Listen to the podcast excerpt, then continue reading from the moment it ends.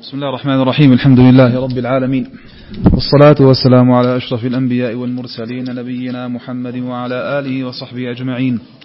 أنا ودي يا أخوان تستمعون خاصة أبو إسماعيل. يعني الحديث لابد نستمع له. نعم تفضل. بسم الله الرحمن الرحيم الحمد لله رب العالمين والصلاة والسلام على أشرف الأنبياء والمرسلين نبينا محمد وعلى آله وصحبه أجمعين. عليه الصلاة والسلام. وبأسانيدكم أحسن الله إليكم إلى الإمام أبي عيسى محمد بن عيسى بن سورة الترمذي رحمه الله تعالى قال باب ما جاء في الانتفاع بآنية المشركين.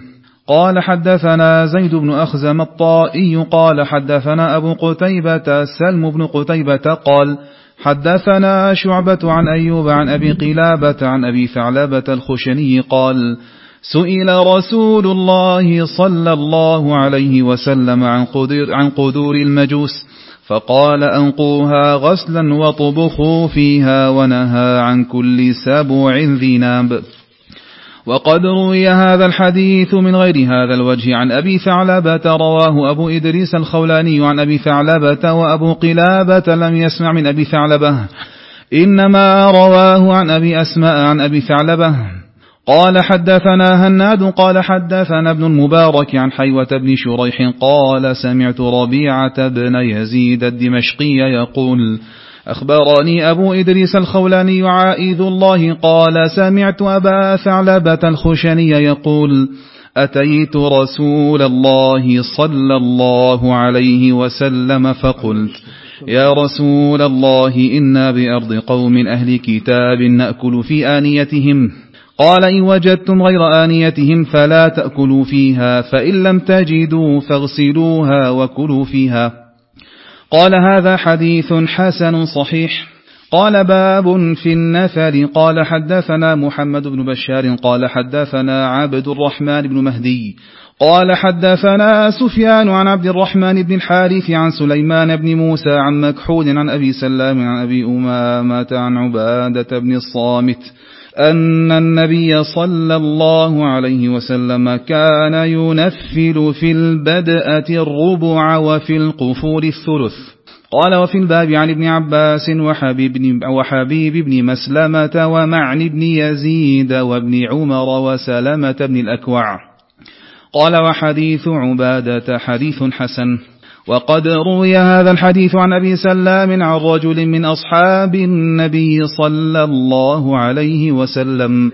قال حدثنا هناد قال حدثنا ابن أبي الزناد عن أبيه عن عبيد الله بن عبد الله بن عتبة عن ابن عباس رضي الله عنهما أن النبي صلى الله عليه وسلم تنفل سيفه ذا الفقار يوم بدر وهو الذي رأى فيه الرؤيا يوم أحد.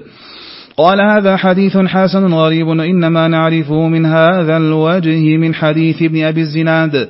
وقد اختلف أهل العلم في النفل من الخموس فقال مالك بن أنس لم يبلغني أن رسول الله صلى الله عليه وسلم نفل في مغازيه كلها. وقد بلغني أنه نفل في بعضها وإنما ذلك على وجه الاجتهاد من الإمام في أول المغنم وآخره. قال ابن منصور قلت لأحمد إن النبي صلى الله عليه وسلم نفل إذا فصل بالربع بعد الخمس.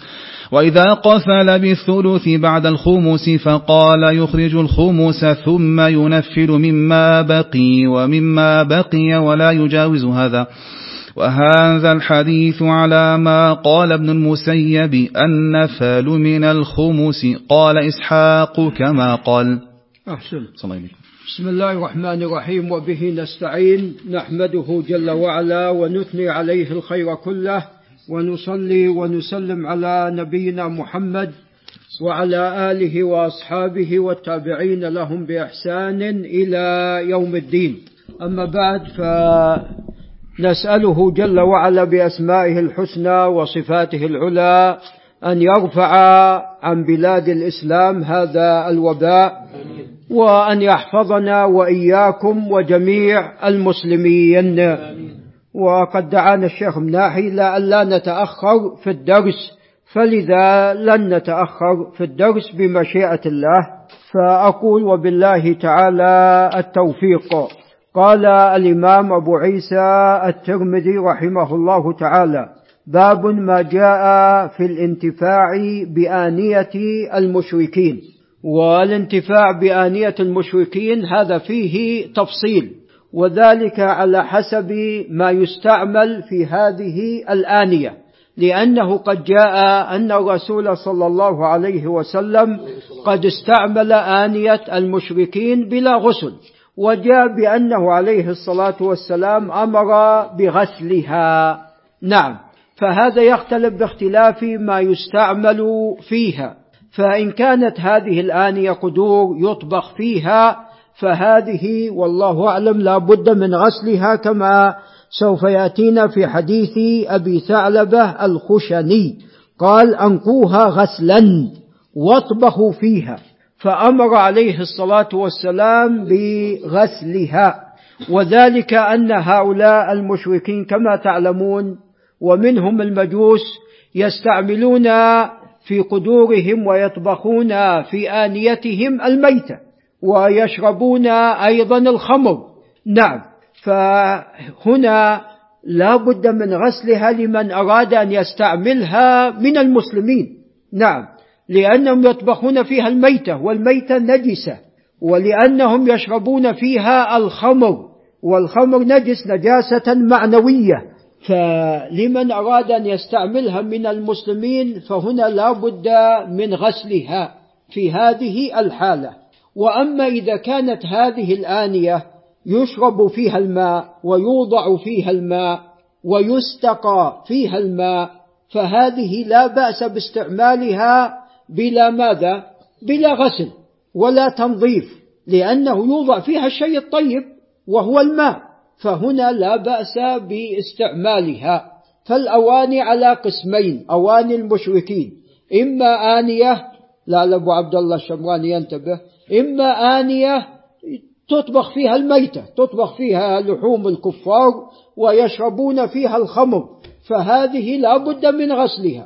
عليكم السلام. لأن هذه الآنية هي إما أن تكون نجسة نجاسة حسية أو معنوية وإما أن تكون هذه الآنية يوضع فيها الأشياء الطيبة. نعم. من الفاكهة مثلا من الخضار مثلا من شرب الماء مثلا يشربون فيها الماء ويستقون فيها الماء. فلا شك أن هذه لا يشترط فيها حتى تستعمل أن تغسل لأنه إنما يضعون فيها الأشياء الطاهرة. وفي الصحيحين في حديث عمران بن حسين عندما استقى عليه الصلاة والسلام من مزادة امرأة مشركة. هذه المزادة ماذا يوضع فيها؟ الماء. يوضع فيها الماء. فأخذ من هذه المزادة ماء عليه الصلاة والسلام. وجاء في البخاري معلقا أن عمر بن الخطاب رضي الله عنه توضأ من جرة امرأة نصرانية. هذه الجرة يوضع فيها الماء الطيب. ولذا توضأ من هذه الجرة فإذا آنية المشركين على هذين القسمين. قال حدثنا زيد بن أخزم الطائي وهو البصري ثقة حافظ توفي عام 57 ومئتين وقد استشهد كما يقول ابن حجر في كائنة الزنج عندما استولوا على البصرة وذلك في خلافة المعتضد هو الموفق هو الذي قاتلهم وجاهدهم. نعم فينظر الخليفة ظن المعتضد.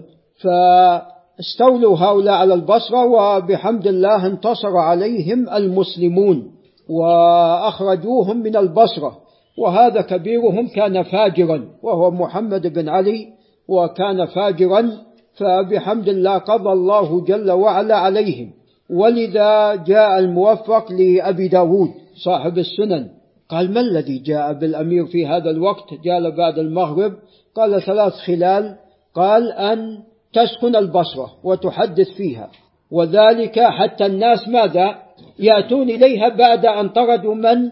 الزنج منها. نعم. يريد أن يحييها. نعم.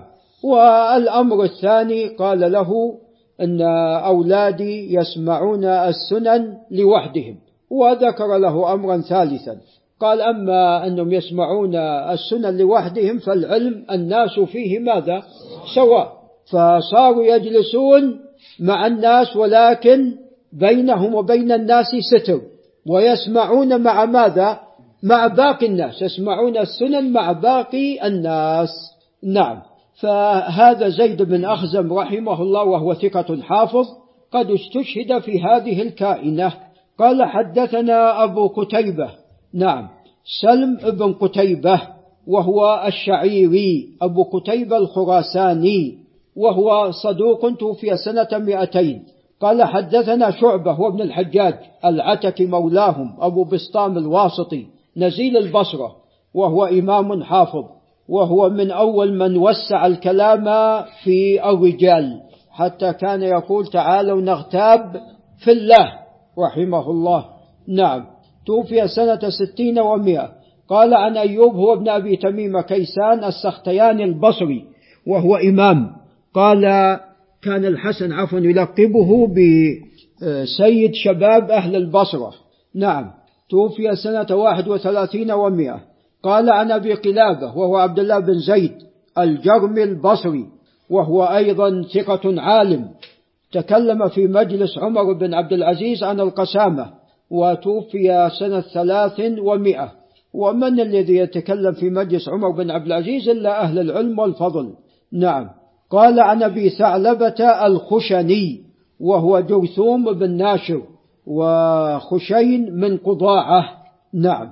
وهم يسكنون في تبوك والعلا وما حولها ومنهم بلي ومنهم الشرارات شرارات من كلب من قضاعة نعم.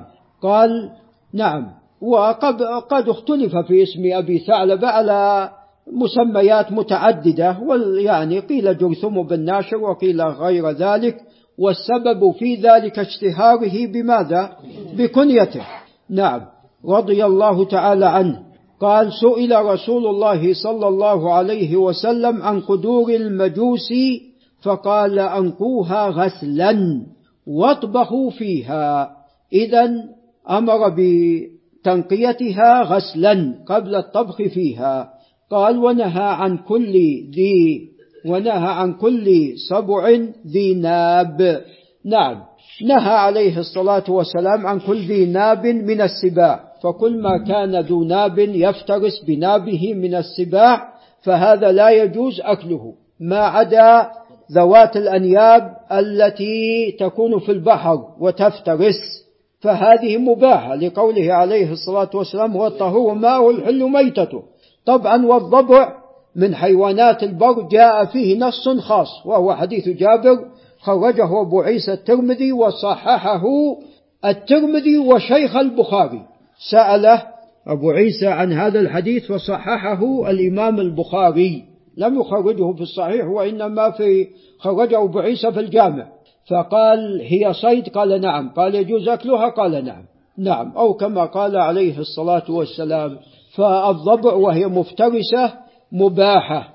فعندنا نوعان من الحيوانات مباح أكلهما وهما ممن يفترس. حيوانات البحر والضبع. نعم.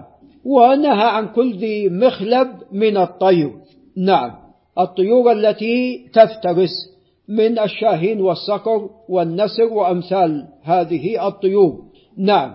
وأيضا الحيوانات التي متولدة من حلال وحرام فهذه أيضا منهي عنها. وإذا اجتمع حاضر ومبيح غلب الحاضر. على تفصيل في هذه القاعدة؟ على تفصيل في هذه القاعدة وليست على إطلاقها؟ ولا تجريها القاعدة في كل أبواب الشريعة. يعني بالنسبة للماء فهنا لا لا تستعمل هذه القاعدة. هذه القاعدة في مثل هذه الحالة لا تستعمل. نعم. فهذه القاعدة ليست على إطلاقها. نعم. وأيضا الحيوانات التي جاء النهي عن قتلها. لأنك لن تأكلها إلا بعد ماذا؟ ذبحها. وفي ذبحك لها قتل لها. وقد جاء النهي عن قتلها. وهذه القاعدة ذكرها الإمام الشافعي.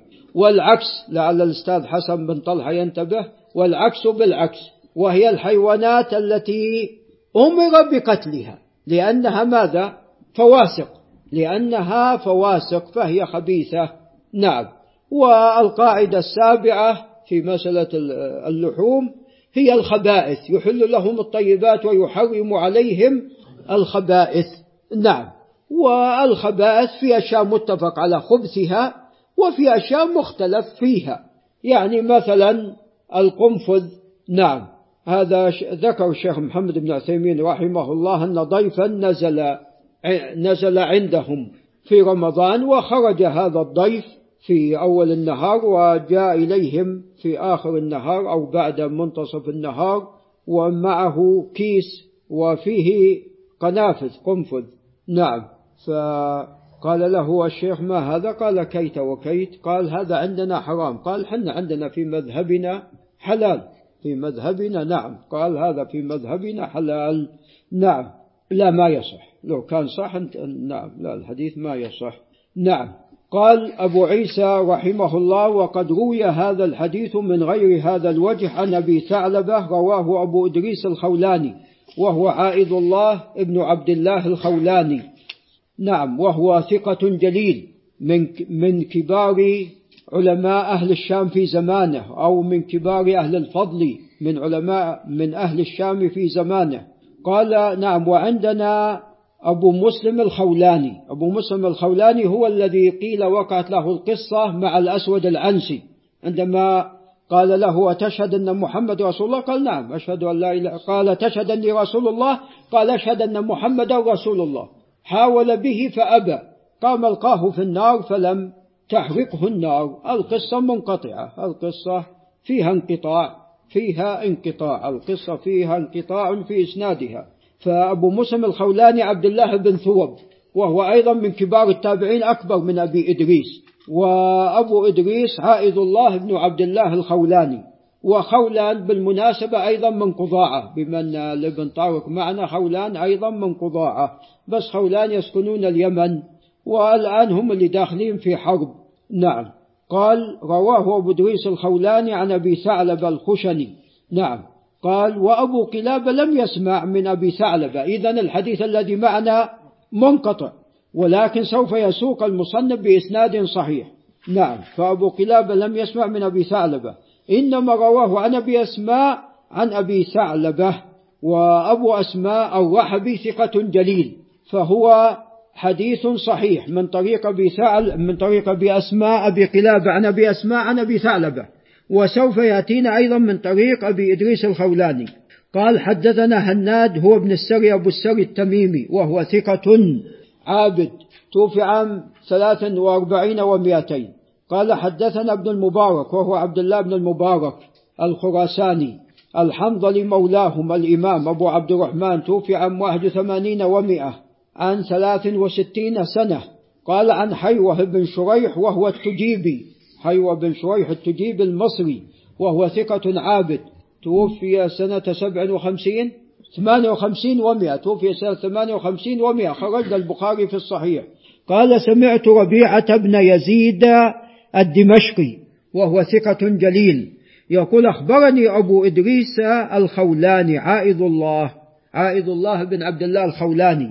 وكانت ولادته سنة سبع من الهجرة فهو مخضرم من كبار التابعين مخضرم وأبو مسلم الخولاني أكبر منه.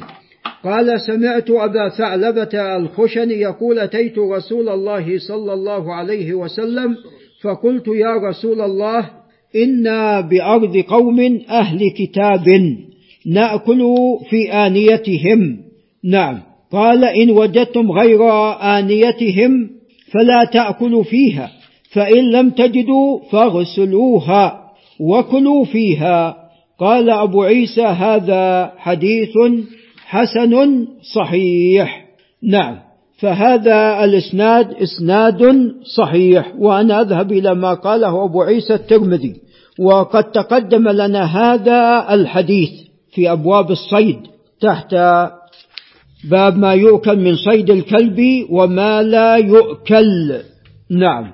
وقال عنه أبو عيسى هذا حديث حسن وذلك لأن في إسناده الإسناد الذي ساقه الأول فيه من لا يحتج به وهو الحجاج بن أرطات.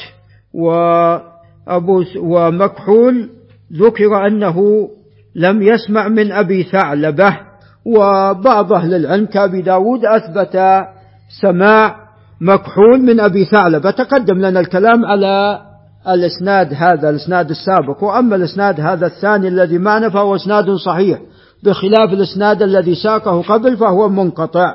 قال باب في النفل. نعم في النفل عفوا. قال باب في النفل وهو ما ينفل لبعض الجيش من الغنيمة التي تؤخذ من الكفار وما يؤخذ من الكفار وتقسيمه هذا فيه فيه نعم هو على عدة أقسام. فالقسم الأول ما كان من غير إيجاف ولا قتال فهذا لله ولرسوله. والثاني ما كان عن قتال فهذا يخمس خمسة أقسام. خمس لله ولرسوله ولذي القربى واليتامى والمساكين وابن السبيل. وبقية الأقسام وهي أربعة للمحاربين للمقاتلين. نعم. وعندنا شيء رابع وهو السلب. من قتل قتيلا فله سلبه والسلب ما يكون على الكافر. من عدة سلاح ومن حلية وما شابه ذلك. فمن قتل هذا الكافر يكون له سلبه. وقال بعض أهل العلم إن هذا يرجع إلى الإمام. إن قال ذلك إن قال من قتل قتيلا فله سلب فهنا نعم يأخذون السلب. وأما إذا لم يقل ذلك فيوضع في الغنيمة. والصواب الأول أن من هذا حديث عام وهو قاعدة. من قتل قتيلا فله سلبه. عندنا أمر خامس وهو أنه قد يعطى بعض من لم يقاتل يشركون في ماذا؟ في الغنيمة كما أشرك أبو موسى ومن معه من أهل السفينة وكما أدخل أيضا أبو هريرة في غنائم خيبر وهم لم يشهدوا الوقعة وعندنا شيء سادس وهو ما بوب عليه المصنف هنا أو ما أشار إليه الحديث الذي ساقه تحت هذا الباب. وسوف يأتي بإذن الله الكلام على هذا القسم وهو القسم السادس. فلعل أبو سليمان يكتب هذه الأقسام. قال حدثنا محمد بن بشار وهو الملقب بندار وهو العبدي ثقة حافظ توفي عام 52 و200 قال حدثنا عبد الرحمن بن مهدي وهو العنبري البصري الإمام. وقد توفي سنة 98 ومئة. وهو إمام في الحديث. هو مع يحيى بن سعيد القطاني مع يحيى بن سعيد القطان إمامان كبيران. على أيديهما تخرج علي بن المديني وأحمد بن حنبل ويحيى بن معين وعمرو بن علي أبو حفص الفلاس الذي بعضهم قدمه على علي بن المديني. فهؤلاء الأربعة إنما تخرجوا على يحيى بن سعيد القطان وبن مهدي. نعم. ولذا يعني مدرسة البصرة في النقد هي أول المدارس بعد مدرسة الصحابة. أول من تكلم قال علي بن المديني في الرجال هو محمد بن سيرين. نعم. ثم وسع الكلام شعبة بن الحجاج نزيل البصرة. وعلى يدي شعبة تخرج بن مهدي ويحيى بن سعيد القطان. وعلى أيدي هذين الإمامين تخرج من تقدم ذكرهم من الأئمة. نعم. قال نعم. حدثنا سفيان هو بن سعيد بن مسروق الثوري الإمام الكوفي والثوري من ثور الرباب أبناء عم تميم. قال عن عبد الرحمن بن الحارث وعبد الرحمن بن الحارث هو بن عبد الله بن عياش بن أبي ربيع المخزومي وهو له أوهام صدوق له أوهام فيه بعض الضعف. قال عن سليمان بن موسى الدمشقي وهو فقيه ولكن فيه ضعف في باب الرواية قال عن مكحول مكحول أبو عبد الله الشامي توفي بضع نعم توفي بعد العشرة ومئة. نعم 12 ومئة وقيل يعني نحو ذلك. قال عن أبي سلام وهو أبو سلام ممطور الحبشي وهو ثقة جليل. قال عن أبي أمامة هو صدي بن عجلان الباهلي النجدي نزيل الشام رضي الله عنه. وتوفي سنة ست وثمانين.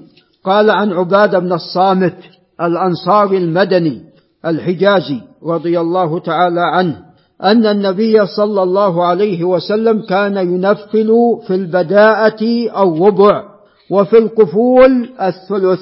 نعم. معنى هذا الحديث أنه في البداية في بداية الغزو. إذا خرجت سرية وقاتلت المشركين واستلبت منهم غنائم وأخذت منهم أموال فيعطون الربع نعم فما غنموا كان يعطيهم منه الربع ينفل الربع نعم والبقية لتمام العسكر لأن هذه السرية إنما هي جزء من ماذا؟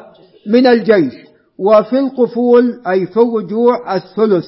نعم فأيضا إذا سرية قاتلت أيضا الكفار بعد الرجوع فيعطيهم الثلث ما أخذوه من الكفار والباقي لبقية الجيش. نعم. وقيل الحكمة في التفريق ما بين البداية والقفول ما بين البداءة والقفول أن في الابتداء يكون الجند عندهم ماذا؟ أنشط يعني في وقت النشاط وهم مقبلين. نعم. وفي الرجوع لأنهم يعني قد أصابهم بعض العياء والتعب فعندما تنهد سرية وتخرج كتيبة ويقاتلون ويدافعون الكفار يستحقون أن يعطون أكثر من نعم من البداية. ما كان في النهاية يعطون أكثر مما كان في البداية. نعم وقيل غير ذلك والله أعلم. قال وفي الباب عن ابن عباس سوف يأتي حديث ابن عباس. وحبيب بن مسلمة الذي يلقب بحبيب الروم لكثرة دخوله على الروم غزو الروم. ومعن بن يزيد وابن عمر وسلم بن الأكوع رضي الله عنهم. قال أبو عيسى وحديث عبادة حديث حسن. قال وقد روي هذا الحديث عن أبي سلام عن رجل من أصحاب النبي صلى الله عليه وسلم. هذا الحديث وقع فيه اختلاف. وفي إسناده من ليس بالقوي بالإضافة إلى الاختلاف. ولذا أبو عيسى لم يصححه والبخاري ضعفه. أبو عيسى نعم ذكره في العلل وقال سألت محمدا عن هذا الحديث فقال لا يصح هذا الحديث. إنما روى هذا الحديث داود بن عمرو عن أبي سلام عن النبي صلى الله عليه وسلم مرسلا. فالبخاري والله أعلم يرى أنه مرسل. قال محمد وسليمان بن موسى منكر الحديث. أنا لا أروي عنه شيئا. البخاري عنده قاعدة في من يروي عنهم. يقول كل راو لا أعرف صحيح حديثه من سقيمة فإني لا أروي عنه. نعم. فعندنا الرواة ثلاثة أقسام. ثقات هؤلاء معروفون. وعندنا ضعفاء. وعندنا بين وبين. فالبخاري بالنسبة للضعفاء وبالنسبة لبين وبين الذي لا يعرف صحيح حديثا من سقيمة يتركه. وهذا الأقل بالنسبة له والله أعلم لأنه قال هذه العبارة في نعم في جمع لو جمعتهم يعني قد لا يتجاوزون العشرين. ووين الابن محمد العبد الله؟ نعم لعلك تجمعهم نعم لعلك نعم تجمعهم. فالبخاري يعرف يعني الحفاظ يعرفون صحيح حديث حديث الشخص من من سقيمه. نعم. ولذا أحيانا المتأخرون يأتي الحفاظ يقولون هذا الحديث لا يصح فيه فلان. يأتي المتأخرون يقولون فيه فلان أيضا وفيه فلان. هم يعرفون أن فيه فلان وفلان لكن عندما قالوا فيه قالوا ما يصح من أجل فلان يعني العلة ممن من فلان. العلة من فلان. ليست من فلان الثاني أو الثالث أو الرابع. اللي فيهم ضعف. لا العلة من فلان. فالمعاصرون يعني ما يعني أحيانا حتى ما يفهمون عبارات المتقدمين. يأتي أبو عيسى الترمذي يقول هذا الراوي ليس بالقوي ليس بالحافظ مثلا. قال هذا متروك. كيف تقول أن يا أبا عيسى ليس بالحافظ؟ هو أبو عيسى اللي منع الورع. هو عارف هذا الراوي. يستخدم عبارات ماذا؟ عبارات لطيفة. حتى إبراهيم الحرب يقول غيره أوثق منه. هو قصد التضعيف. فتجد يأتي المعاصرون ويستدركون. وتجد البيهقي يقول هذا ليس بالقوي ضعيف. نعم. ف وهو متروك. يقول كيف تقول عنه كذا؟ لين الحديث وهو متروك. هو يستخدم عبارة لطيفة. ولذا البخاري يقول أرجو أن ألقى الله وأني لم أغتب أحدا. وهو تكلم في مئات من الرواة. نعم. يعني أقصى أشد عبارة عنده سكتوا عنه سكتوا عنه عنه وعن رأيه وعن حديثه. هذه أشد عبارة. نعم. يعني عبارة شديدة أيضا فيه نظر دونها فيه بعض النظر. نعم. نعم يستخدم نعم يستخدم منكر الحديث. نعم. كثيرا. نعم. وغالبا أيضا ينقل عن كثيرا ما ينقل عن غيره ويكون اختياره وينقل هذا الكلام عن شيوخه. نعم. فهذا الخبر لا يصح. هذا الخبر لا يصح. قال حدثنا هناد هو ابن السري أبو السري التميمي تقدم. توفي عام 43 و200 قال حدثنا ابن أبي الزناد وهو عبد الرحمن بن عبد الله بن ذكوان المعروف بابن أبي الزناد. وكان أبوه لا يرضى أن يكن بهذه الكنية. عبد الله بن ذكوان هو إمام جليل. قال عن أبيه وهو إمام جليل توفي سنة ثلاثين ومائة ثقة فقيه. خرج له الجماعة من صغار التابعين. كان يغضب إذا قيل له أبو الزناد كنية أبو عبد الرحمن. لكن اشتهر بماذا؟ اشتهر بهذا. نعم. قال نعم ابن أبي الزناد عبد الرحمن توفي سنة ثلاثة وسبعين ومائة توفي سنة ثلاث وسبعين ومائة أربع وسبعين ومائة. وقد ذكرت فيما سبق أقسام حديثه قبل نحو عشرين سنة في درس الترمذي. نعم. فيفرق ما بين ما حدث به في المدينة وبين ما حدث به في بغداد. في بغداد تكلموا فيه. نعم هو مدني الأصل. ويفرق بين ما رواه عن عروة بن الزبير هو مقدم في عروة أو في هشام مقدم في هشام بن عروة بن الزبير. مقدم نعم عفوا أنا أخطأت. مقدم في هشام بن عروة بن الزبير هو لم يدرك عروة عروة توفي 94 نعم فهو مقدم في هشام بن عروة بن الزبير. نعم. واستثنى علي بن المديني سليمان بن داود الهاشمي فيما رواه عن ابن أبي الزناد. فيما رواه عن ابن أبي الزناد. نعم.